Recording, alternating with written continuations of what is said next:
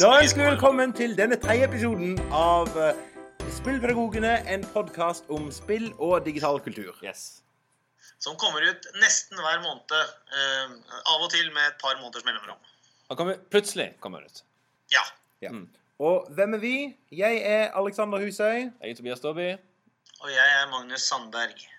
Mm. Og hva skal vi snakke om i dag, folkens?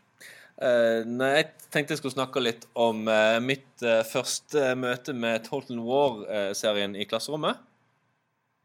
Det gleder jeg meg veldig til å høre om. Ja. Jeg gleder meg til å snakke om det.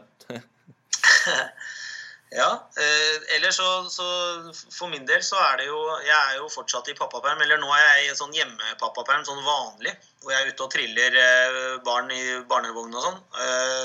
mens dama mi er på jobb. Så, så jeg har egentlig spilt en god del spill. Ja. Det får man gjort litt av når man er i pappaperm. Men ellers så har jeg, er det ikke så mye nye skoleprosjekter, da. Og det jeg kommer til å snakke om litt, eh, litt senere i podkasten, i alle fall, det er et eh, internasjonalt prosjekt som vi skal gjennomføre nå i år for, eh, for tredje gang. Og da skal mine, mine elever som tar internasjonal engelsk, og elevene til min kollega Ingvild, som også tar internasjonal engelsk, de skal samarbeide med en eh, kanadisk klasse om å analysere eh, spillet Gone Home og gjøre en del ganske stilige samarbeidsoppgaver knytta til dette spillet. Mm. Ja. Det blir bra. Mm. Mm. Men vi starter kanskje med bare litt sånn eh, siden sist. Hva, hva vi har drevet med, eller? Ja, ja som, eh, som dere alle selvfølgelig vet utmerket godt, så kom da Skyrim Special Edition eh, nå den 28. oktober, var det vel? Så vidt jeg husker. Altså i eh, ny og skinnende vakker 64-bits 64 motor og eh, ja. Utgitt på konsoll, eller på de nye konsollene osv. Så, videre, og så, videre. så nå er jeg eh, nok en gang Jeg lovte meg sjøl at ikke, det ikke skulle skje, men nok en gang på, tilbake på Skyrim-kjøret. Der eh, 40% av tida gått på å spille, og 60 eh, av tida gått til å le, le, last, lete etter, laste ned og få til å funke uh, eh, ulike mods jeg har lyst til å prøve. Så sånn er det. Så bra. Så jeg har mye Og så, jo, eh, jeg, på, på lanseringsdagen kjøpte jeg og testa ut eh, Owlboy, som man må, jo må gjøre hvis man er norsk gamer. Ja. Mm. Det har jeg gjort, og jeg har ikke spilt det ennå. Nei, der, er- der er jeg altså. Last, øh, kjøpt og lastet ned, men jeg har enda ikke begynt å spille. Men uh, det, dette er et av de uh, et av de spillene som jeg når jeg setter meg ned med dette, her, skal jeg ha tre-fire timer designert til det spillet. Så jeg skal få Jeg vil ha den fulle opplevelsen når jeg skal sette meg ned med dette. her. Mm. Ja. ja, det tror jeg. Jeg er helt enig. Mm. Det er veldig fint å sette av litt tid og, og virkelig sette seg inn i det. For det så, så må jeg si ser, ser hyggelig ut. og så må jeg si at jeg er oppriktig ektefølt glad på Dpad Studios sine vegne, og, og hvor, bra, hvor god mottakelse det spillet har fått. De har jo vært her på Noel Grieg og, og vist fram spillet sitt for en tid tilbake. Ja. Eh, okay. Ja, for det er vel et par år siden nå, tror jeg. Mm. Ja. Alvorlig sympatiske folk, altså. Så den eh, Ja. Veldig, veldig glad på deres vegne. Ja, sånn at dette er det et spill som er eh, Altså eh, Her skal jeg klare å finne ut en eller annen, et eller annet påskudd for å ta dette inn i undervisning også. Fordi eh, Ja, det, det handler litt om også å støtte opp under godt norsk også. Ja. Og dette er Ja, igjen uten å ha spilt det enda, men dette her må vi regne med at eh, må være så godt norsk som det blir innenfor, eh, innenfor spillmedia. Mm. Ja, ja jeg, jeg skal holde et foredrag for eh, barneskolelærere i, eh, senere i dag, faktisk. Og da er Alboy inne på, på eh, i presentasjonen min som jeg, jeg må liksom basere det bare på ting jeg har lest om, om det, da, foreløpig. Mm. Men jeg tenker at det er noe man kan spille som handler om vennskap og samarbeid. og, og jeg tror ikke dialogene er lengre enn at man kan jobbe med det i engelsktimer, f.eks. Nei da. Det er forholdsvis eh, altså, Dialogen er altså Nå har ikke jeg spilt det så mye, da, men til sånt plattformspill å være, så er dialogen relativt hyppig.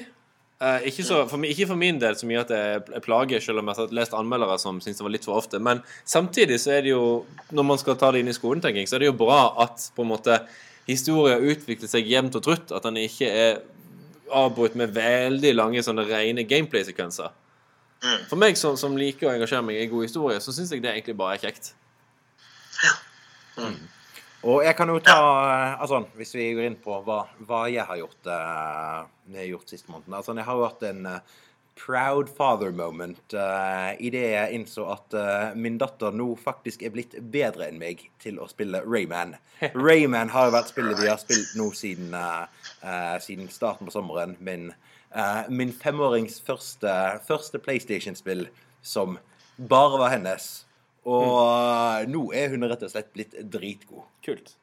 All right. Jeg syns jeg fikk en snap av deg der hun spilte Heartstone òg. Uh, det har uh, du også vært. Altså, Hearthstone har hun ikke mestra helt ennå, men eh, og, eh, og for så vidt ganske, ganske langt derifra. Her er det en del språk, eh, språkferdigheter med tanke på å lese eh, lese den informasjonen som er på disse kortene, som eh, må på plass fremdeles. Men eh, altså, hun, altså, hun, har, eh, hun har skjønt grunnprinsippene med, med tanke på hvor mye mana koster ulike kort, og eh, altså, eh, har gjennomført hele, hele runder på egen hånd.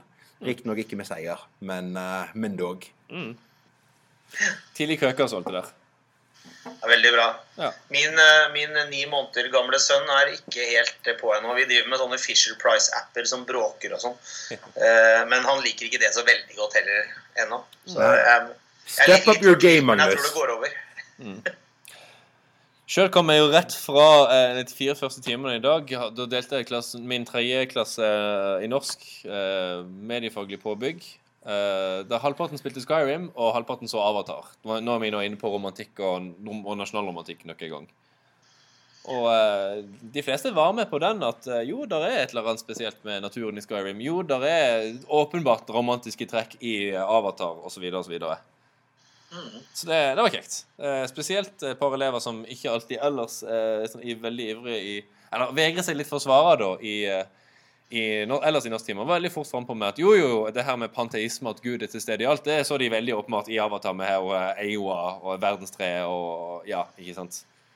Så det var gøy. Litt sånn norsk- norsklærer-victory når, eh, når sånne ting skjer. Fikk de velge om de ville spille eller se film? Ja.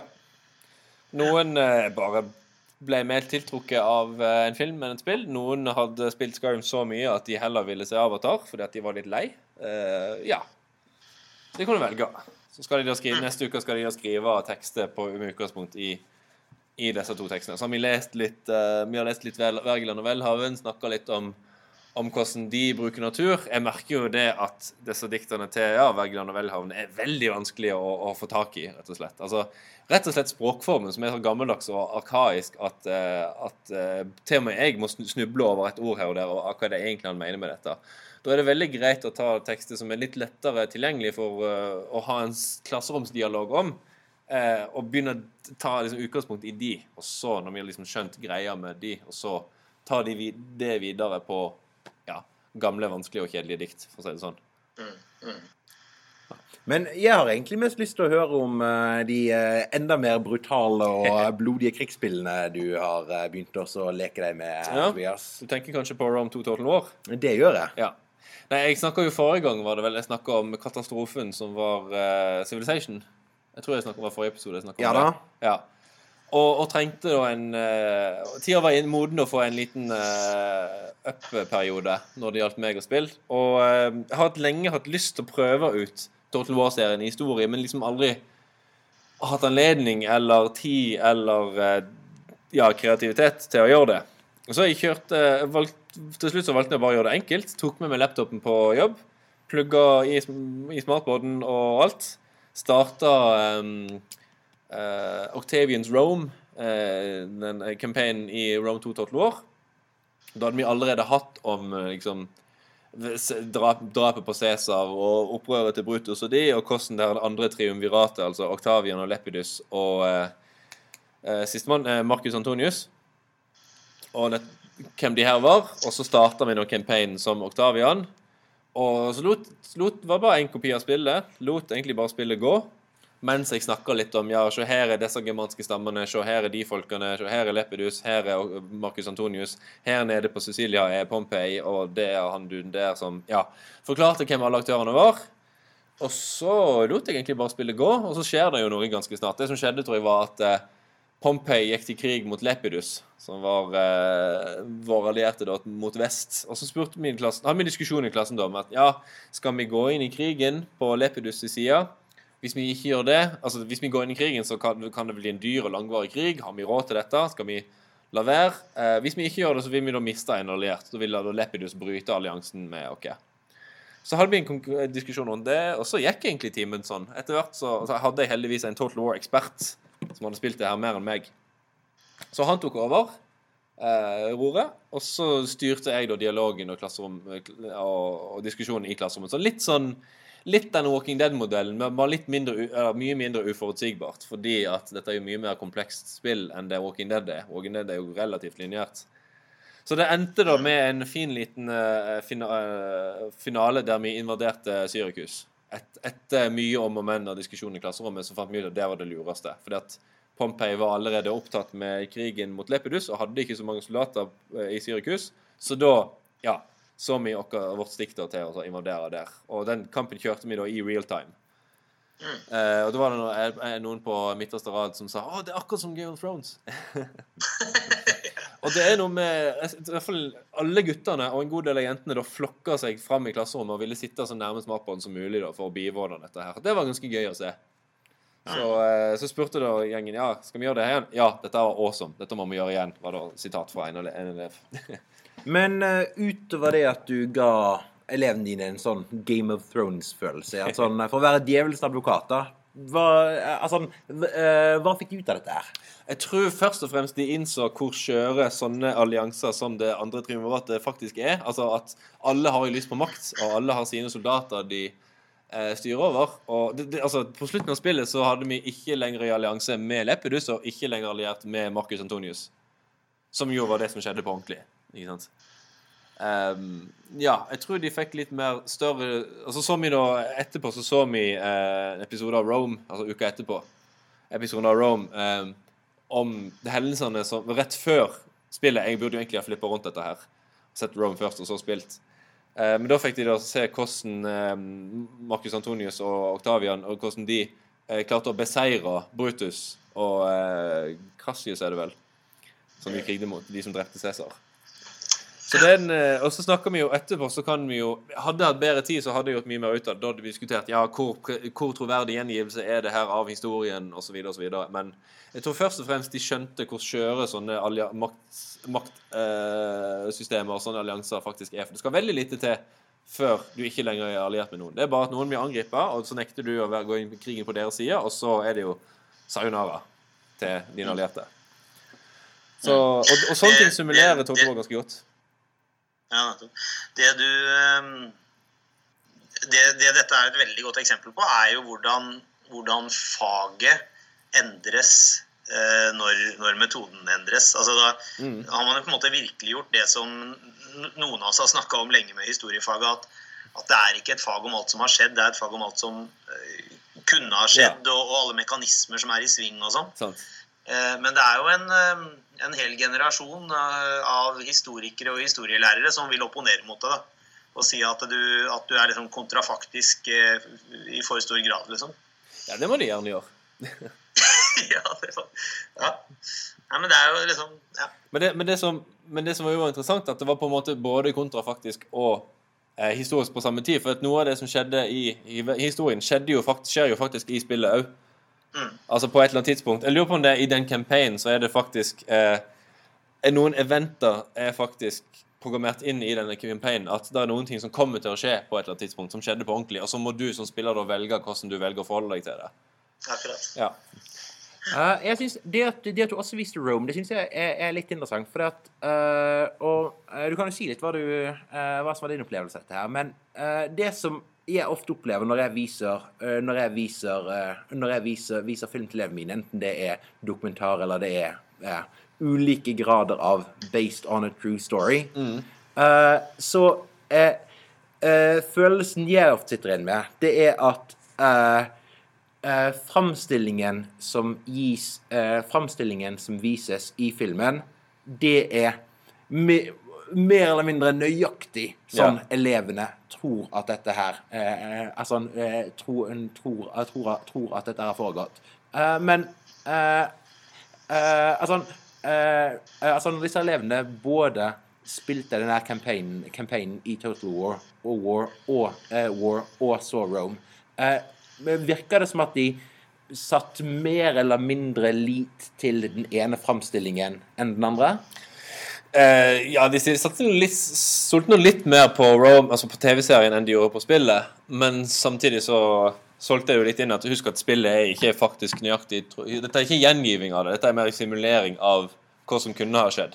Samtidig så stilte jeg inn et spørsmål etter episode Dette her var episode seks i sesong to, fordi at uh, første så var det vanskelig å finne en episode som ikke var for brutal og ikke hadde så mange kleine sexscener.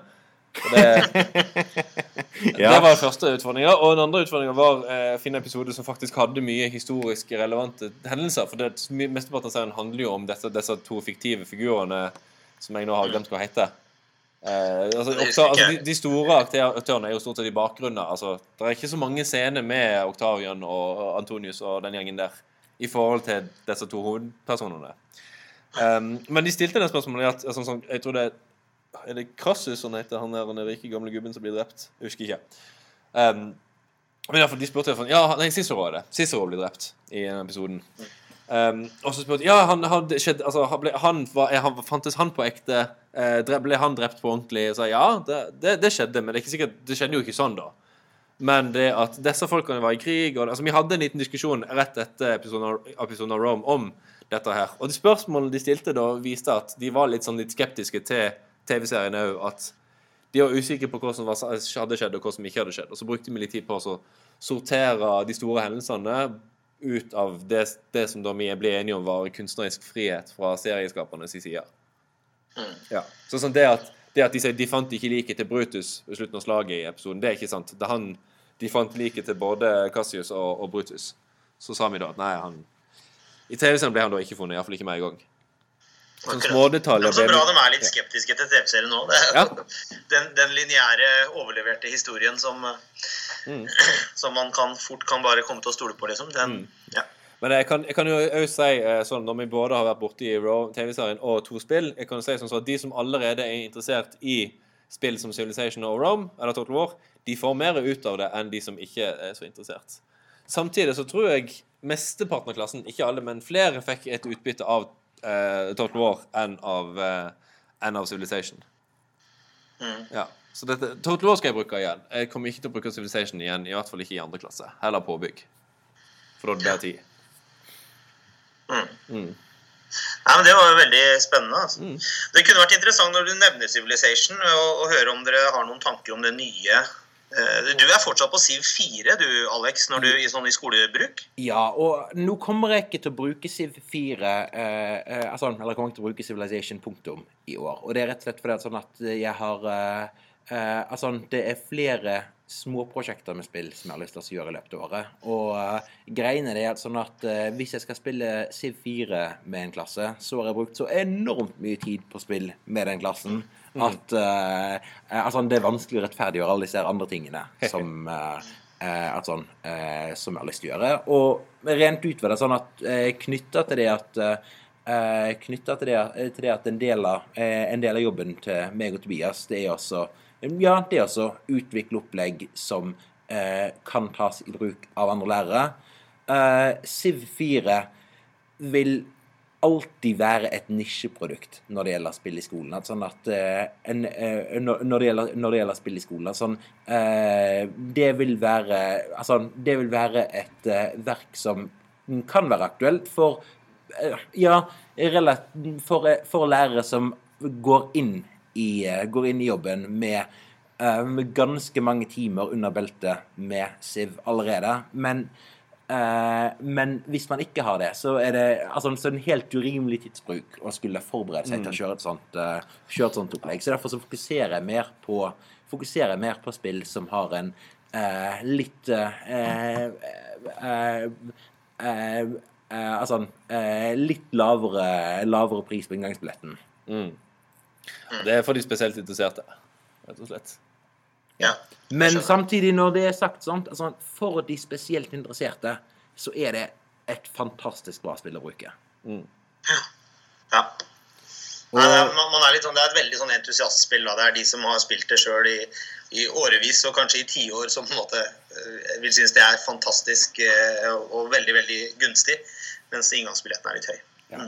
Og nå, er jo, nå har jo Civilization 6 kommet ut. Og Mm. Eh, altså I en ideell verden hvor, eh, hvor døgnet hadde hatt ca. 32 timer, så, eh, så ville jeg ha spilt det masse allerede. Men der har jeg rett og slett funnet ut at sånn at eh, det er nødt til å bare la ligge på hyllen fram til sommerferien, og så eh, da skal jeg heller ta slå meg litt løs med det. Ja, samme her. For nå har jo også Battlefield 1 kommet, og da har man ikke tid til å Nei. gjøre så mye annet på en stund. Det er også et sånt spill som når vi er på, vi er på det med historiske, historiske spill og eh, riktige eller feil framstillinger av ting, så er det et ganske interessant spill. Mm. Jeg har, har vel jeg har personlig raljert om det litt tidligere. Eh, hvordan jeg, ja. det er på, jeg Og nå som jeg har spilt litt av eh, altså, Jeg vet ikke om jeg husker om jeg snakka om det jo sist. Jeg kan si som så at nå som jeg har spilt litt av singleplayer-campaignen, så er jeg fortsatt eh, litt bekymra om jeg faktisk får eh, de som da var 13-14 når dette kom ut, kommer til mine historietimer og tror at det var sånn første verdenskrig faktisk var. Ja, Mener du det er veldig feil? Eller hva? Jeg, jeg syns det aller, aller første oppdraget er ganske bra. Der du har i praksis talt evig liv, og hver gang du dør, så står, kommer det navn på han du spilte, og hvor lenge han levde. Altså fødselsdato, eh, fødselsår, fødselsår og dødsårstall. Men utover det så er det en del sånn Altså, det er jo en power fantasy. Det er litt sånn Ja. Men Ja. jeg, jeg må si jeg er, jeg er litt sånn imponert. Altså, jeg ble veldig, veldig skeptisk med alt skriveriene før spillet kom ut. Og det er en del sånne store ting som, som liksom Framstillinga som helhet lider under. Eh, F.eks. at du i multiplayer-kampanjen ikke kan være Russland eller Frankrike. De er rett og slett ikke del av det. Nei. Eh, Det er jo eh, veldig vanskelig å, å spille noe scenariet første verdenskrig uten eh, de to landene. Men, eh, men jeg syns jo jeg På singleplayer-kampanjen, som jeg altså har begynt så vidt på bare, så, så syns jeg jo det er mye som er veldig ålreit. F.eks. det som du nevner at at man er ikke én person gjennom hele krigen og på alle dens uh, ulike uh, stages, eller hva skal jeg steder hvor det utspiller seg. Mm. Man spiller ulike mennesker, og, og man blir påminna i det når man starter spillet på at eh, du, du er ikke én person. Altså det, at det var svært få som overlevde. altså Din sjanse for å overleve krigen Mm. som menig soldat er ganske begrensa. og derfor så spiller vi heller ut litt sånne novelleaktige fortellinger om forskjellige mennesker i forskjellige situasjoner. da. Så, Og, og jeg, jeg begynte med altså jeg, jeg gikk etter hvert til Jeg, jeg spiller den der tank-historien nå, som er liksom den første. da. Mm. Men jeg begynte å prøve meg på Gallipoli med en gang, for jeg tenkte at det skal jeg, der skal jeg greie å slå og, og, og ta og, ottomanerne. Og det, det klarte man jo da ikke i virkeligheten, og jeg klarte det heller ikke i spillet. mm. Eh, for det, det, er, det er jo beinhardt. Men bare det at man, at man flytter rundt på et verdenskart og spiller ut ulike Mm. eh, theaters of war, eh, og at mange ting er ganske realistisk, det, det tenker jeg det, Mm. det, det er en god start for et, et læringsopplegg. Og så må man jo bygge det stillaset som, vi, eh, som, som en god pedagog skal bygge, da, og diskutere eh, hva som er troverdig og ikke troverdig her. Mm. Ja, for jeg tenker eh, det er jeg er helt enig med det. Jeg syns rammefortellinga de tegner opp, er veldig god. Mm. Men så, når du først er litt ute i et singleplayer-oppdrag, ja, så har du plutselig tatt ut to tanks og fem, seks, sju menn på egen hånd. Og da er Emil ganske langt borte fra realisme. Da er det plutselig power fantasy igjen. Og så spiller man jo bare si, de eh, intentene, eh. Altså du spiller jo bare de snill good guys. Ja, det, Som jeg ja, òg syns er litt, litt, sånn, litt skuffa over det. ja. Ja. Særlig fordi at i eh, eh, Når man leser om første verdenskrig, så er det ikke alltid så lett å bestemme seg for hvem som er good og bad i det hele Nei, tatt. det er. De, de er ganske like, aktørene er ganske like. Ja, og det, det er en ja, altså det er en litt sånn ensidig framstilling av krigen, og det er litt sånn altså Den, forts, den, den, den fortsetter fortsatt den der heltenarrativen. Ja, Altså, og det det spesielt singleplayer-traileren til spillet var veldig på det at fortsatt det med at eh, Antakelsen man gikk inn med i første verdenskrig, er at krig er noe heltemodig og heroisk og ærefullt noe. Som jo i slutten av krigen det på ingen måte lenger ble sett som. Så det, det er fortsatt den høna jeg har plukka med Battlefield. Uh, selv om jeg, jeg Points for effort, altså, men uh, til, til Dice. Men ah, Og så en sånn veldig morsom ting som jeg Helt eh, til slutt på det. Ehm, nå spiller jeg den der tankkampanjen, den første hvor du er på, på vestfronten og, Ja. og kjører tank. Og når du skal reparere den, så, så gjør du jo det på litt sånn dataspillvis. Altså den, den har jo en helsebar, altså en helsestørrelse som går ned etter hvert, jo, etter hvert som du blir truffet. Og så reparerer du den ved å skru liksom tre-fire ganger med en skiftenøkkel mm. på utsida av tank, tanksen. Og hvis du gjør det sånn ganske kort tid før den ellers ville eksplodert, så brenner hele brenner tanken med store, kraftige flammer. Det er et, det er et skikkelig sankthansbål. Og så skrur du litt på sida med en skiftenøkkel, og så er, det, så er tanken i full vigør igjen. Ute i, midt ute i gjørma og uten annet utstyr enn en skiftenøkkel. Så du er ganske du er ganske helt som reparatør der òg, da. mad uh, høy uh, repair skill. Til og med hvis han har Ja, fått et, har fått et hull i rustningen i sida, det lapper du fint med en skrutrekker eller en skiftenøkkel. Ja, ja, ikke sant. Så det er fantastisk. Mm. Ja. Nei, men altså, Folk er jo ikke like praktisk anlagt i dag som det de var, eh, Nei, det var under, alt var var under første, første verdenskrig. Altså, vi er, altså, det der overakademiseringen i skolen sant, og nedvurderingen av yrkesfagene, det, det er der problemet ligger. Ja, Skal jeg snakke litt, grann om, eh, litt grann om Gone Home, eller? Gjør det. Gjør det. Ja. Eh, Gone Home har jeg jo introdusert på, på podkasten her før, og, det har, han- eh, og vi har nå også skrevet eh, litt om det på bloggen vår, spillpedagogene.wordpress.com. Eh, Reklame, reklame. reklame. Ja, reklame, reklame. Det, uh, men uh, uh, Og det prosjektet som vi skal i gang med nå om ja, en, eh, tre uker tid nå, det er veldig, veldig stilig for grunner som ikke egentlig har med spill å gjøre. For det, at det vi skal gjøre, det er at eh, mine elever på internasjonal engelsk og elevene til min kollega Ingvild, også på internasjonal engelsk, eh, vi skal samarbeide i tre uker med kolleger, altså med elever fra eh, Royal St. George's College, som er en videregående skole i Toronto i Canada. Uh, hvor de da i fellesskap skal eh, Hvor de da i fellesskap skal analysere den, analysere den historien som fortelles gjennom dette spillet. Dette er opplegg som vi har eh, som er gjennomført som er gjennomført eh, som er, gjennomført, eh, som er gjennomført, gjennomført to, to, ganger, to, to ganger før. Og eh, eh, det, altså, det jeg synes er så, er så, jeg synes er så fascinerende med dette opplegget, det er egentlig hvor enkelt det hele er. Eh, altså, eh, noe av det som jeg mener at, eh, mener at, mener at engelskelever, eller for den saks skyld fremmedspråkelever, eh, fremmedspråkelever generelt har best av, det er eh, altså, Iallfall når det gjelder den, gjelder muntlige, eh, det muntlige språket. Eh, det er interaksjon med autentiske, eh, altså, autentiske språkbrukere. Og eh, eh, altså, eh, eh, altså Gjennom Facebook-grupper og gjennom Skype og gjennom Google Hangouts så eh, eh, Gjennom Facebook-grupper gjennom Skype gjennom Google Hangouts så i denne perioden så får, så får mine elever jobbet veldig, veldig tett Uh, veldig, veldig tett på, uh, tett på sine, på sine kanadiske, kanadiske samarbeidspartnere, uten at vi trenger å betale noe for oss eh, altså betale, betale noe, for, betale noe for, for, for å reise noe sted, og uten at vi egentlig trenger å styre så veldig med, med vanskelig logistikk. Og eh, denne her typen internasjonalt samarbeid, hvor, eh, samarbeid, hvor, eh, altså, eh, samarbeid hvor elever i klasserom forskjellige steder i verden kan samarbeide tett om et prosjekt, uavhengig om det gjelder eh, altså uavhengig om det er et spillprosjekt eller om det er et, prosjekt knytta til nesten hva som helst. Så eh, ja, altså, det er en måte å arbeide på som jeg håper, håper, håper vi ser mye mer av i skolen framover. Mm. Det er kjempekult. Og det er, det er nesten rart at ikke det har blitt tatt av og blitt mye større for veldig lenge siden. For vi har jo vært på internettet noen år nå, da. Ja, det, vet du hva? Det er noe som egentlig fascinerer meg litt. Grann. Eh, altså, eh, det finnes en del portaler som skal, eh, altså, eh, som skal forenkle denne type prosjekter. Altså, du har f.eks. e-twinning.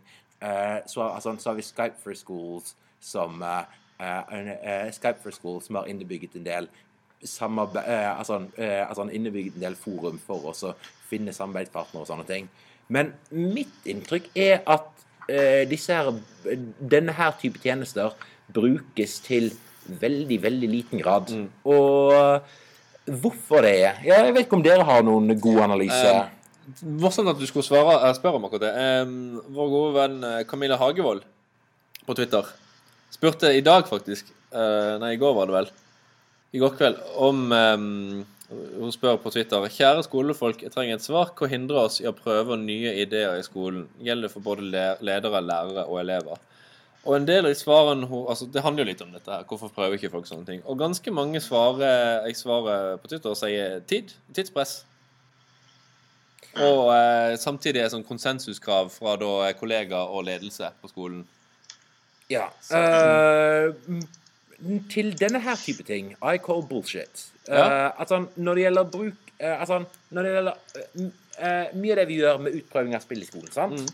Der kan jeg lett se Altså, altså Der kan jeg lett se, lett se risikoen for å feile som argument. Jeg kan lett se eh, eh, Lett se Men dette tar det veldig lang tid å sette seg inn i, seg inn i argumentet. Ja. Eh, det også gjennomføre samarbeidsprosjekter eh, altså det også gjennomføre samarbeidsprosjekter, samarbeidsprosjekter prosjek- eh, prosjekter med andre klasser over internettet, det er nummer én Det er ikke noe som, tar- som tar veldig lang tid, verken også sette opp eller eh, sette opp eller gjennomføre. Og, eh, altså, og i alle fall i språkfagene. Risikoen for å feile er- altså, eh, altså, jeg kan ikke se at den kan være um, eh, Altså, jeg kan ikke si at det kan være noe særlig risiko i det hele tatt. For det er sånn at eh, altså, eh, altså, uansett altså, selv, hvis, selv, hvis hele, selv hvis hele prosjektet gikk skeis eh, Du gir elevene muligheten eh, eh, Altså, du gir elevene, elevene dine muligheten til å kommunisere med autentiske språkbrukere. Wham bam, enkelt som bare det. Eh, og selv om hva enn produkt de eventuelt skal lage i fellesskap, blir et fullstendig makkverk, så har du allikevel gitt de den læringsopplevelsen det er å skulle kommunisere og samarbeide med autentiske språkbrukere. Ja. Og så tror jeg mange eh, innbiller seg, altså, som jeg svarte Camilla da på Twitter, at eh, jeg tror at altså, faktiske s- reelle hindre å prøve nye ting, tror jeg det er veldig få, kanskje ingen, som altså, bokstavelig talt hindrer folk i å prøve nye ting. Det jeg derimot tror, er at uh, man lar seg hindre av uh, en del ting. At man lar seg hindre av at kolleger rynker litt på nesa og sier 'nei, dette syns ikke jeg du skal gjøre'. Eller man lar seg innbille seg at man har dårligere tid, at man, eller at det tar lengre tid enn det man tror det tar. Altså, Har du virkelig lyst til å prøve noe nytt, ja, så tar du deg tid til det, tenker jeg. Ja, og Jeg tror, vi, jeg tror problem, Hovedproblemet er at vi som, eh, som eh, skolekultur, altså internasjonalt i hele verden omtrent, så, er det så, så er, vet vi så veldig godt hva skolen er, vi- og vi er litt late. Eller vi klarer ikke å omstille oss og tenke nytt om hva skolen kan være. Og at skolen er et rom med en autoritet og 30 som ikke vet noen ting, det, det er så Det er en eh, er idé som er feilaktig, men som sitter så dypt i så mange. Og, og i alle ledd, hos foreldre og, og i skoleledelse og skoleeiere. Og så, det, er liksom det som er ansett som seriøst uh, skoledrift, det er liksom å dukke opp i klassen og føre fravær og sette i gang. Ja, Sånn som man alltid har gjort. jeg syns En slags kollektiv latskap. ja. Men eh, altså, det som på en måte er Ja, altså uh, Den dagen jeg blir uh, skolediktator, holdt jeg på å si Med tanke på denne type internasjonalt samarbeid Det som i alle fall burde være minimumskravet, er at de elever som skal reise på utveksling, får til noe samarbeid digitalt, enten i forkant eller i etterkant, eller begge deler, med, eh, altså, eh, altså, med klasser som det da allerede skal opprettes kontakt med uansett. For at, eh, altså, eh, eh, altså, for at utover det at, eh, utover det at selve prosjektgjennomføringen er ganske enkel å få til, så det å legge til noe ytterligere verdi til noen av de aktivitetene som er de aller, aller dyreste for skolen, sant? nemlig det å sende elever, eh, sende elever på utveksling. Sørg for at all den verdien som kan skvises ut av det, blir skviset ut. Ja. Jeg tror noe av grunnen til at folk ikke At denne type Ja, all, all, all, nye ting generelt ikke prøves ut i skolen, skolen. Det kan kanskje være en sånn rådende forestilling om at det er ikke sånn vi driver skole. Det er ikke dette som er skole. Og den forestillingen om at det liksom er én sånn slags kunnskapsautoritet som skal sitte og servere kunnskapen sin til en gjeng med 30 ja, uvitende individer altså det, det er et syn på kunnskap som jeg ikke tror er overlevelsesdyktig i det informasjonssamfunnet vi lever i nå. Altså Ideen om at du må ha noen andre der for at du skal få finne ut av noe. Det er ikke da Ja.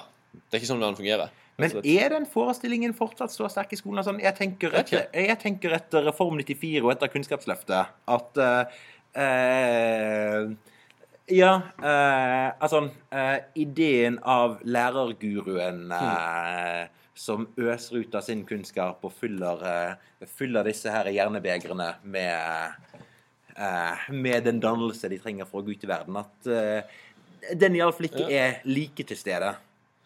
Ja, men jeg tror det er litt sånn Det var, var det ikke en eller annen psykolog som skrev en bok som het 'Thinking Fast and Slow', Jo, som var på bestselgerliste for et par år siden. Jeg tror at når, vi, når, når, vi, når lærere drar på konferanser eller i en eller annen sånn sammenheng hvor man liksom setter seg ned og faktisk tenker litt langsomt om ting, og tar seg tid, liksom diskuterer ting, da, da er nok ganske mange enig i det du sier, Alexander, at, at eh, vi er ikke der. Vi, vi tror ikke på en sånn tabula rasa, at elevene kommer som dumme, dumme som brød, og så skal de ut eh, altså skal læreren overlevere. Men, men at vi tenker litt for raskt i hverdagen. Da. At, vi, at vi lever i den derre forestillingen med å, med å um, Mm. eh, ja, dukke opp i klasserommet og, og gjøre det, vi, det man alltid har gjort. Men det er, det er en form for latskap. Mm. Jeg tror det. altså. Um, jeg ser på Om vi først snakker om det, så er det noe som blir drit, et utdrag eh, som ble retweeta en del på Twitter nå i det siste, av um, noe som er skrevet i 2014 av uh, Imsen og Ramberg. Jeg kjenner ikke til Ramberg. Jeg antar at kanskje Imsen er Øystein. Men der står det iallfall at eh, eh, påstanden 'lærerens rolle bør først og fremst være å formidle kunnskap til elevene', har f.eks. betydelig mer støtte i 2012 enn i 2001, skriver Imsen og Randberg. Og legger til at her er forskjellen veldig stor. Så ja, og hvis vi skal tro denne kilder, så er det noe i det at den tradisjonelle læreren som en slags grunn til å helle kunnskap i hodet, på, på elevene, eh, finnes tydeligvis i dag. Den har fått en, den har fått, en renessanse med, det- med dette testregimet som har vokst fram de siste seks, syv, åtte, ni åra. ja, det er det som står her i, i, lenger nede i tror, den teksten. ja, og det tror jeg er riktig. Altså, han, Ja. i, I Bergen, hvor dere sitter, så har vi han, er, han Jan Ubø, han eh, professoren på Handelshøyskolen, mm. som av og til eh, skriver litt om, om eh, målstyring. Han sier at målstyringen er veldig veldig ødeleggende, at man heller skal ha Hva er det han kaller det for noe? Eh, En eller annen sånn prosess. altså Man skal, man skal slutte å, å målstyre og heller ha tillit til at hvis de riktige faktorene er på plass, så får man liksom de riktige resultatene. Mm. Og jeg Ja. tror det er veldig jeg tror, jeg tror han har veldig rett i det at, at den målstyringstanken som har blitt sterkere og sterkere, har ført til en renessanse av en sånn, eh, en sånn, sånn kunnskapsforståelse som egentlig er ganske banal. Ja. Som handler om, om eh, læreren som eh, en kunnskapsoverfører. Da. Og, den, og den smitter jo over på da bruken, bruken av spill i skolen. Eller eh, bruken av en viss type spill i skolen, i alle fall. Hvis Ja. spillet i seg sjøl ikke eh, kan erstatte den her eh, veldig eksplisitt og firkanta kunnskapsformidlingsrollen som da lær, mange mener læreren skal ha, ja, så har ikke spillet noen verdi, eh, er det jo noen noen som mener. Mm. For, for det, det du sier, Alexander, om, eh, om at det ikke er noe farlig å feile i en sånn utvekslingselevsituasjon, Mm. eller, eller i, en sånn, i en sånn utveksling på nett, da, samarbeid, eh, det gjelder jo også i aller høyeste grad for oss som er spillpedagoger. da.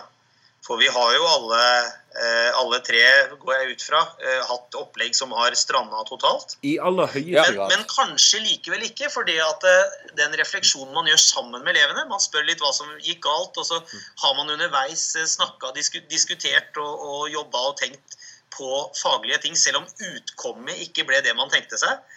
Så har liksom prosessen vært veldig lærerik. da. Ja. Og det som lærer å feile på en sånn måte at det er helt tydelig for alle, for alle elevene at her har man feilet, det er, altså, det er egentlig en veldig altså, det, det kan iallfall være en veldig positiv, eh, positiv situasjon for den, de relasjonene som eh, relasjonene som er i klasserommet. Sånn at de gir kanskje litt grann mer tyngde når neste gang en elev ikke, ikke har fått til en, til oppgave på den måten det var intendert, eller når en elev ikke har fått den karakteren som eleven hadde regnet med eller håpet han skulle få. Gi litt mer tyngde til den. Ja, Sånn går det noen ganger, men det å feile i seg selv, det er ikke et problem. Det er hva som, eh, altså, det er hva som skjer etter feilen, Som, eh, altså, som kanskje er vel så viktig. Ja. Jeg har et lite eksempel på det, hvis jeg kan få lov å fortelle om det. Ja. Jeg hadde en, eh, et eh, opplegg i norsktimene på yrkesfag på Stovner eh, videregående, hvor jeg jobba for noen år siden, hvor vi skulle bruke Little Big Planet 2. Som er et plattformspill. Eh, litt som Mario, man hopper rundt og gjør ting. Men, men den store forskjellen på det og Super Mario er at det du gjør, er å samle inn eh, elementer, eh, byggeelementer, som du senere kan bruke til å bygge dine egne spillebrett. Og det tenkte, var, tenkte jeg da var veldig kult å, å bruke til å bygge spill som skulle da kunne være spillversjonen av ting vi hadde lest i norsken. Eh, enten det var eh, noveller eller dikt. Så, vi pløyde ikke så veldig mange romaner på denne yrkesfagsklassen, men vi leste en god del kortere tekster. Så skulle de få velge seg da en tekst vi hadde jobba med, og lage en spillversjon. Eh, Men siden vi ikke hadde tid til å gjøre det som man gjør i spillet, nemlig å spille i ti timer først for å samle inn alle disse elementene, så fikk jeg fra Sony så fikk jeg bare en eh, sånn cheat uh, juksefil hvor vi, som vi kunne putte inn i PlayStation 3, som var greia da, og lage alle disse, eller å få alle byggematerialene og sette i gang med å bygge spill med en gang. Men de spillene ble veldig dårlige. De ble bare halvferdige. Eh, Det var ingenting som ble ferdig, og alt ble ganske dårlig. Ingenting fungerte sånn som vi ville. Det var bare de aller, aller enkleste mekanismer vi fikk til. Og vi hadde holdt på i ukevis, og vi hadde gått ut ganske høyt, jeg blant lærerne og elevene blant en del medelever og sånn, og skryte av det kule opplegget vårt og de kule spillene vi skulle lage. Og så fikk vi liksom ikke til noen ting. Men, men, øh, og grunnen til det da, det var jo selvfølgelig at de ti timene hvor du skal spille, eller hva det nå er, de mange mange timene hvor du skal spille først, det er en tutorial. Det er jo en måte å erfare hva som gjør, øh, hvordan disse elementene fungerer sammen, og hva som gjør et øh, brett bra, Mm. et spillbrett bra. Så, så da vi hoppa over det, så funka det jo bare ikke. Men, men ikke sant, der hadde vi, vi var enige om i, i samtalen at vi hadde snakka så mye om hvem som var protagonister og antagonister, og at hvis denne lille fortellingen eh, eh, Noen, noen brukte f.eks. han eh, gråsprengte Hva heter nå til, til Ibsen? Terje Wigen. Terje Wigen. Noen brukte Terje Wigen. Og hvem er helten? Jo, det er selvfølgelig Terje Wigen. Hvem er skurken? Jo, det kan jo være havet i, et, i spillet. da De hadde de funnet ut at, at havet var egentlig en, større, en, en mer funksjonell fiende enn en det britiske krigsskipet. Mm. Eh, ikke sant? Sånn at vi hadde hatt sånne diskusjoner da, som var veldig gode og veldig kule, og som de, disse elevene som ikke leste så veldig mye, aldri egentlig hadde diskutert. da. Mm. Og da er det jo likegyldig hva, hva, at vi ikke egentlig fikk til noe spill. Mm. Så, men i et sånn målstyringsregime så ville vi jo da ikke ha nådd målet vårt, kanskje. Mm.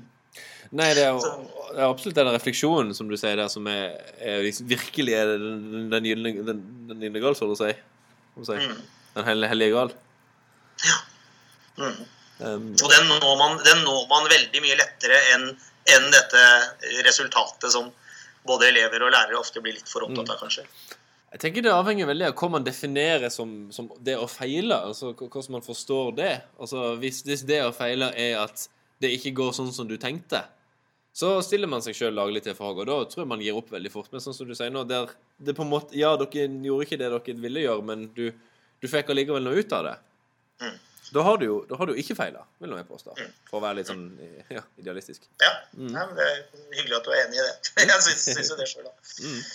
Ja, Da skal vi prøve avslutningsvis her å komme i gang med en ny spalte. Som vi egentlig prøvde litt på sist òg, men som vi snakka oss litt vekk fra, tror jeg. Nemlig uh, ukas spill. At vi skal ta, bestemme oss for ett spill uh, hver uke som vi sier noe om. Og det vi skulle snakke om forrige gang, som vi kan overføre hit til denne gangen, det er jo Stanley Parable. Ja. Og The Stanley Parable det er vel et spill som eh, eh, Dette har jo vi tre snakket om opptil opp til, opp til, opp til flere ganger tidligere når vi har vært, eh, vi har vært off-air. Mm. Men dette er jo et spill som vi alle tre har uh, mer enn godsansen for. Mm. Mm. Ja, Ja. absolutt. Uh, Men jeg har egentlig ikke undervisningserfaring med det. Det må jeg innrømme. Jeg har aldri brukt det sånn. Jeg har brukt det to ganger, tror jeg. Uh, jeg har også brukt det to ganger, men da med, Mm. med litt forskjellig, forskjellig hensikt. Og, eh, men utover det jeg har brukt altså, uh, altså, Stanley Parable er et spill som jeg ser så mye potensial for også. Det, og litt av grunnen til det, det er jo at altså, dette er et av de spillene som man trenger altså, altså, altså, Man trenger fra lærer sin side nesten ingen spillerfaring i det hele tatt Mm. for at man skal kunne skal kunne bruke det på, bruke det på gode måter. Og det er, eh, selv om spillet er ganske kort, så er det, eh, så er det utrolig mye innhold Mm. som, er, eh, som, er, som er verdifullt å snakke om, både i ja, engelsk som jeg har brukt i, norsk har vel du brukt, Ja. brukt i, men, Mm. brukt i, men også i psykologi, mediefag, snakke om narrativer, snakke om uh, uh, uh, Postmodernisme. For eksempel. Fjerde veggen. Eh, ja. Men Er det noen, har noen uh, lyst til å påta seg utfordringa med å gi et uh, lite sammendrag? Eller fortelle litt om det? Tobias, hva går uh, Stanley Parable ut på? hva var det en, en kompis av meg sa um, en gang jeg hadde, hadde, hadde et innlegg om Stanley Parable på, på biblioteket i Bergen i et, arrangement som, et, et fast arrangement som heter Gamebrary. Og da var det en kompis av meg som sa "Dette- dette, er det- dette er det nærmeste jeg har sett Kafka i spillform. Mm. Uh, men det er jo um, det spillet er, altså, Du spiller da Stanley, som, eh, som sitter på kontoret sitt i dag og trykker på knapper. Som han får bli instruert om å trykke på av skjermen sin. Så han har da bokstavelig talt en ganske meningsløs jobb. Men som han storkoser seg med. Plutselig en dag er alle kollegaene hans vekke. eh, Og Stanley må gå rundt i, dette kontorlandskapet og lete etter kollegaene sine. Og, he- og hele tida så er det da en eh, en sånn britisk eh, rolig og hyggelig fyr og fortellerstemme som får da fortelle det Stanley gjør, da. Men clouet er at han forteller det Stanley gjør, før, eller hva Stanley kommer til å gjøre, før du som spiller eh, har gjort det. Og da kan du velge om du ønsker å eh, gjøre det fortelleren sier, eller å drite i han og prøve å liksom gå din egen vei. Og jo stri, eh, jo mindre lydig du er da som spiller, jo mer irritert blir da denne fortelleren på deg, og går fra å kalle hovedpersonen i spillet for Stanley til da mer og mer referere til deg, og da etter hvert referere til deg som spiller, og referere til spillet som et spill. Uh, og det er noe sånn som 12-14 forskjellige endings i spillet, avhengig av da uh, om du gjør eller ikke gjør da det fortelleren sier, og ja. Re- dire, til tider direkte hysterisk uh, morsomt spill. Ja, og der er det jo Altså, fortellerstemmen er jo mye av det som gjør dette her spillet, i alle fall. Uh, altså, i alle fall er det er, altså, i alle fall er det, i alle fall er det, for, det for min del. Mm. Uh, uh, altså, det er en fortellerstemme som minner om Altså Stephen eh, Fry. Ja, altså altså, altså, altså Stephen Fry-kvaliteter, men eh, litt, eh, litt uh, britisk pedagogisk barne-TV-stil over seg, men samtidig uh, Altså uh, eh, Samtidig uh, knusktørr vittig og Ja. Det eh, Altså det er ganske sarkastisk eh, fyr òg. Eh, ja, altså han eh, minner egentlig ganske mye om, eh, mye, mye om fortelleren i Little Britain, hvis dere Ja. har, kjenner til det. Faktisk. Det var egentlig en veldig god sammenligning. Og, det, og den er veldig, for fortellerstemmen er, så, er veldig vesentlig eh, fordi at det er jo Det som skaper spenning i spillet, eh, syns jeg i hvert fall, det, det er jo å, å være ulydig. Altså lydig eller ulydig, det er liksom valget du har. Fordi Ja. at fortelleren for, forteller hva som skal skje, og, og gjør du det da, eller gjør du det ikke? For ellers så er det jo en litt sånn et kontorlandskap. Du, du, det, det blir jo ikke så veldig spennende i utgangspunktet. Så jeg tror Uten lyd så tror jeg det, det spillet kanskje ville være litt eh, ganske annerledes enn det er. Da. Apropos lyd, Alex. Du har gjort noe kult noe der. Ja, det altså noe av det som vi, uh, Mine elever ble jo satt gjennom et eh, ble, jo, eh, ble jo sendt gjennom et forskningsopplegg knytta til dette spillet i fjor. Og det vi hadde gjort da, det er at uh, her inne på spillet ja, kan du si. Det er sånn, Nå sitter jeg og Tobias på spillaben på Norge videregående skole. Jeg synes det er veldig jeg gir, oss en, jeg gir oss en veldig god atmosfære for oss å spille inn, eh, spille inn, eh, spille inn podkast. Ja. Uh, men i alle fall her inne, så på halvparten av PC-ene, så er uh, uh, På halvparten av PC-ene så er det vanlige Stanley Parable-spillet installert. På den andre halvparten av PC-en her inne så er Stanley Parable installert, men med en mod. Eh, eh, altså med en mod med kvinnelig språkpakke. Eh, Eh, altså, altså eh, altså, altså, altså eh, eh, eh, altså, det de har gjort, er at de, har gjort, det de har gjort, er at de har erstatta den opprinnelige fortellerstemmen med en kvinnelig fortellerstemme. Og det de ønsket å undersøke, det de ønsket å undersøke i dette forskningsopplegget, det var til hvilken grad var elevene mer eller mindre lydige til fortelleren. Om det var en mann som instruerte de, eller, eh, instruerte de, eller om det var en dame. oh, wow. Mm. Veldig kult. Det, altså, og, altså, det, var, altså, det var rett og slett kjempestilig. Og eh, jeg, var, jeg var litt skeptisk til dette forskningsprosjektet i prosjektet i forkant. Fordi at, eh, altså, eh, fordi at eh, jeg hadde vansker med å kunne tro eh, altså, jeg, jeg hadde vansker med å kunne tro, kunne tro, kunne tro at tro, eh, altså, eh, Vansker med å kunne tro Vansker med å kunne tro at de skulle klare å finne eh, eh, eh, Vansker med, å kunne tro at de skulle klare, å finne, klare å finne en kvinnelig stemmeskuespiller som som har den samme pondusen som den her, som den her opprinnelige narrator har. da. Men de har, altså, altså, altså, der har de gjort en kjempegod castingjobb. Og, og, altså, og hun minner egentlig om eh, hun her damen som er programleder for The Weakest Link. Eh, Kjenner dere til henne? Ja, stemmer. Ja. Ja. Hun har stor altså, autoritet. Eh, altså, eh, jeg husker ikke hva hun heter, men sånn veldig sånn eh, Ja, også mm, tørrvittig britisk autoritet. Litt sånn eh, Ja Litt Lady Grantham i Lady, Lady Grantham i eh, eh, Lady Granth, Grantham i eh, Downton Abbey. Eh, eh, litt eldre eh, eh, eh, kvass kvass dame som også har en, et godt snev av humor i, i tørrvittigheten sin. Mm. Kult. Veldig kult. Ja. Vet du hva de fant ut av? Uh, eh, altså, uh, no, så, uh, Sist jeg hørte fra dem, så, eh, fra- de, så, så skal de publisere noe neste måned. Ja, kult. Eh, og da, altså, da var det elever ved vår skole som var med i dette her, og så var det altså, Jeg tror, de hadde en ti-tolv andre elevgrupper fra skoler i Canada, USA, Danmark, Norge og Nederland. Ja. Eh, Keep us posted. ja, eh, altså, det, eh, det skal jeg. For det er sånn, jeg, jeg er grådig spent på dette selv. Mm. Men, eh, og, men mitt Altså, mitt inntrykk er at, de nok, er at de nok kommer til å få underbygget den hypotesen de hadde i utgangspunktet, om den hypotesen de Jeg antar de hadde i utgangspunktet. Altså at, altså at spillerne sannsynligvis er mer lydige til den mannlige fortellerstemmen enn den kvinnelige fortellerstemmen. Ja. Uh, det er iallfall det inntrykket jeg fikk basert på de elevene som jeg observerte når de spilte. Mm. Det blir veldig spennende å høre. Jeg har et tips da til vordende spillpedagoger som ønsker å bruke spillet. Uh, i Sist gang jeg brukte det, så kasta jeg alle rett ut i spillet og sa ja, nå skal dere spille noe, noe rart noe. Um, og da var det ikke alle som lot seg rive med. I motsetning til første gang jeg brukte det, da alle eh, syns, var engasjerte. Og jeg innså at forskjellen var at første gang jeg brukte det, så spilte jeg igjennom én gang i klassen der jeg gjorde alt fortelleren sa. Og så sa jeg ja, folkens, eh, dere trenger ikke å høre på fortelleren. Dere kan liksom gjøre akkurat det dere vil. Eller kan gjøre andre ting, da, enn det fortelleren sier.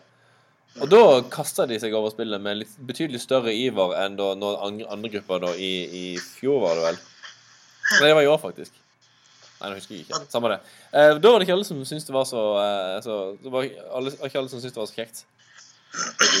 Det eh, var interessant. Hva slags læringsmål og sånn er det dere Ja, ikke sant, målstyring. Jesus. Ja. Eh, hva, hva har dere ønska å oppnå? Eller er det veldig Siden dere har, siden dere har brukt det flere ganger og i ulike fag, eh, er det, er det veldig forskjellige ting dere er ute etter når dere setter i gang med elever? I de forskjellige situasjonene?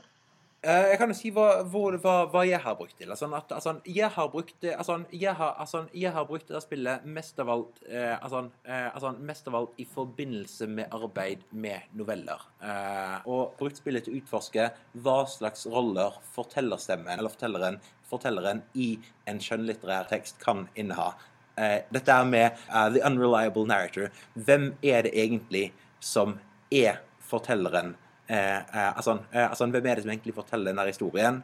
Og, og til hvilken grad kan vi stole på denne fortelleren? Har fortelleren sin egen eh, altså, Har fortelleren sin egen agenda, eller er dette en rent objektiv eh, objektiv utenforstående part? Mm. Mm. Jeg for min del har eh, brukt det stort sett i forbindelse med retorikk. Mm. Ja, enkelt og greit.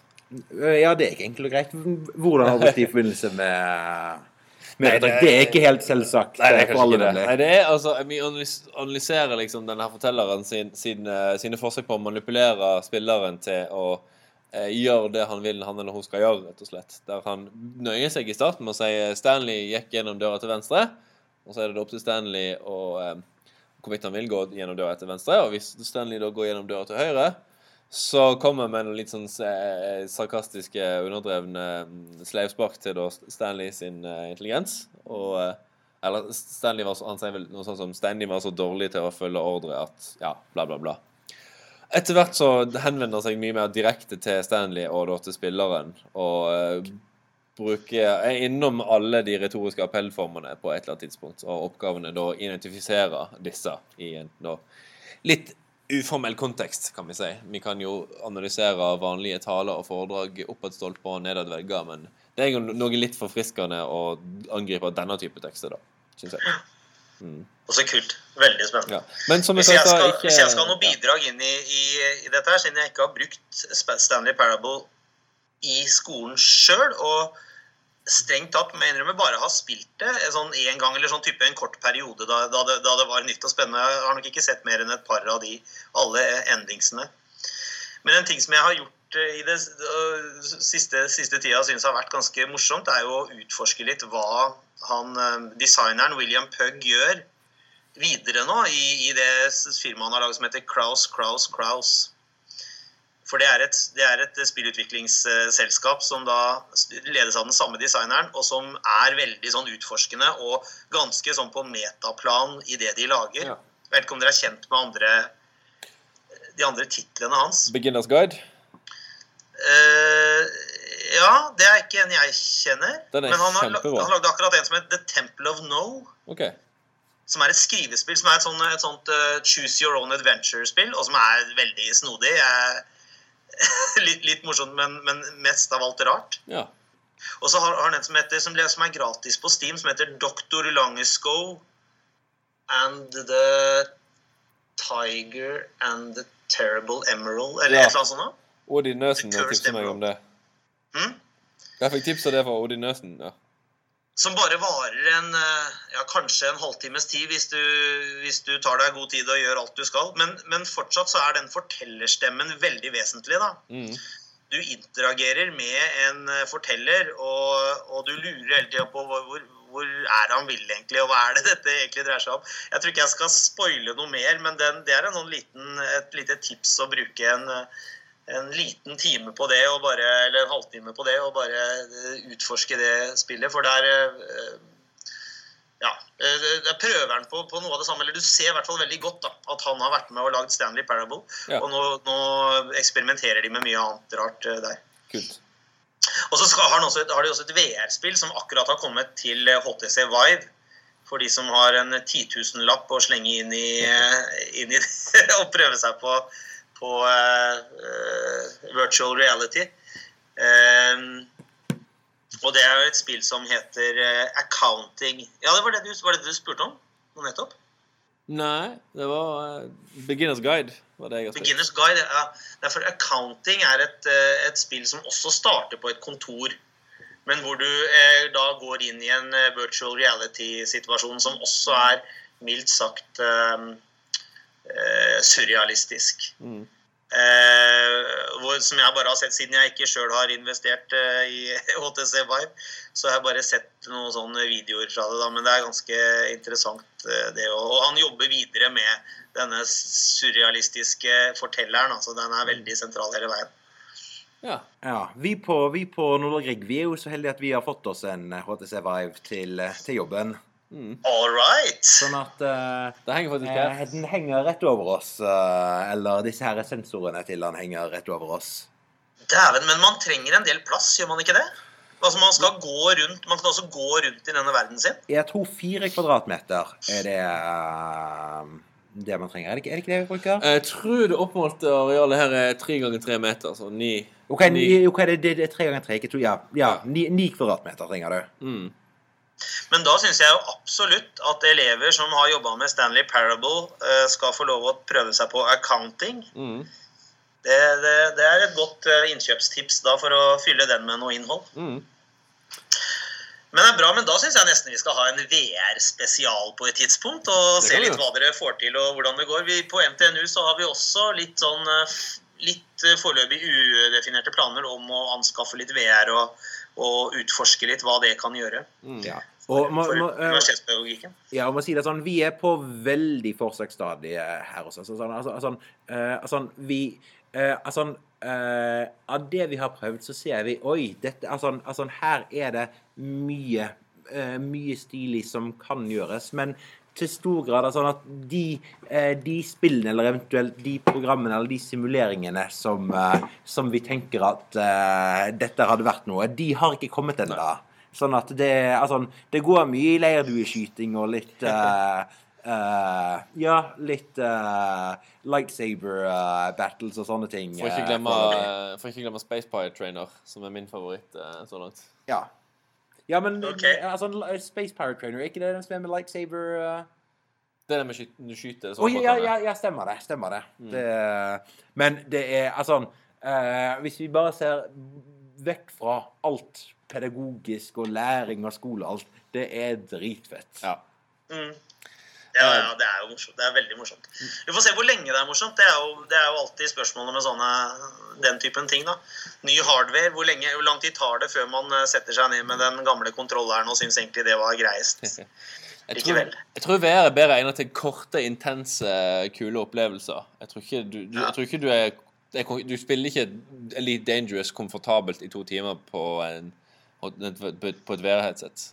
Ja, altså, Tror jeg, da. Jeg tror heller ikke at VR-headset er et substitutt. uh, altså, er, altså, er et substituttprodukt til vanlig gaming, holdt jeg på å si. Men uh, at det er mer noe som kommer i tillegg. Skal det sies at uh, jeg prøvde PlayStation VR hos uh, de gode vennene våre på IKT-senteret nå for litt siden. Ja. Det var ikke så langt ifra, altså. Det var headtracking, og det var eh, ganske immersive, og det koster jo eh, Plattformer koster jo eh, ganske mye mindre Altså PlayStation koster jo ganske mye mindre enn den eh, 12 000 kroners riggen du må ha for å kjøre HTC Vive, og PlayStation VR koster jo halvparten av det HTC Vive koster. Mm. Så når hver- hvermannsens eh, VR-muligheter ligger i PlayStation VR og tilsvarende. tror Og en eh, positiv ting for meg personlig med PlayStation VR, hvis jeg kjøper det, det er at da får jeg endelig brukt de der Move-kontrollerne som jeg kjøpte for en fem-seks år siden, Yep. men ennå ikke har brukt mer enn et kvarter kanskje sammenlagt. Mm. Da skal jeg finne fram det. Men for de funker, har jeg hørt. Ja, ja, ja. ja. PlayStation VR. Du har vel De spilt gamle. litt uh, Johan Sebastian Joust, har du ikke det? Jeg har spilt, jeg har spilt litt Jousts eh, borte hos dere, men, men ikke med mine egne Move-kontrollere. Nei, OK. Fins også på PlayStation? Eller bare på PC? En Joust er jo til PlayStation.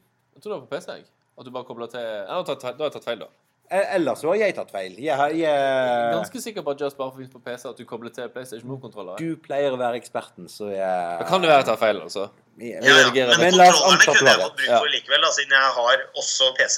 Jeg skal redigere vekk dette hvis jeg tar feil. Ok, Nei, men Det var godt å høre hvem som skal redigere denne sendinga òg, sånn på tampen, Tobias. Tobias. Ja. Jeg, må, jeg har avtale om en halvtime, så jeg må straks gå. Ja.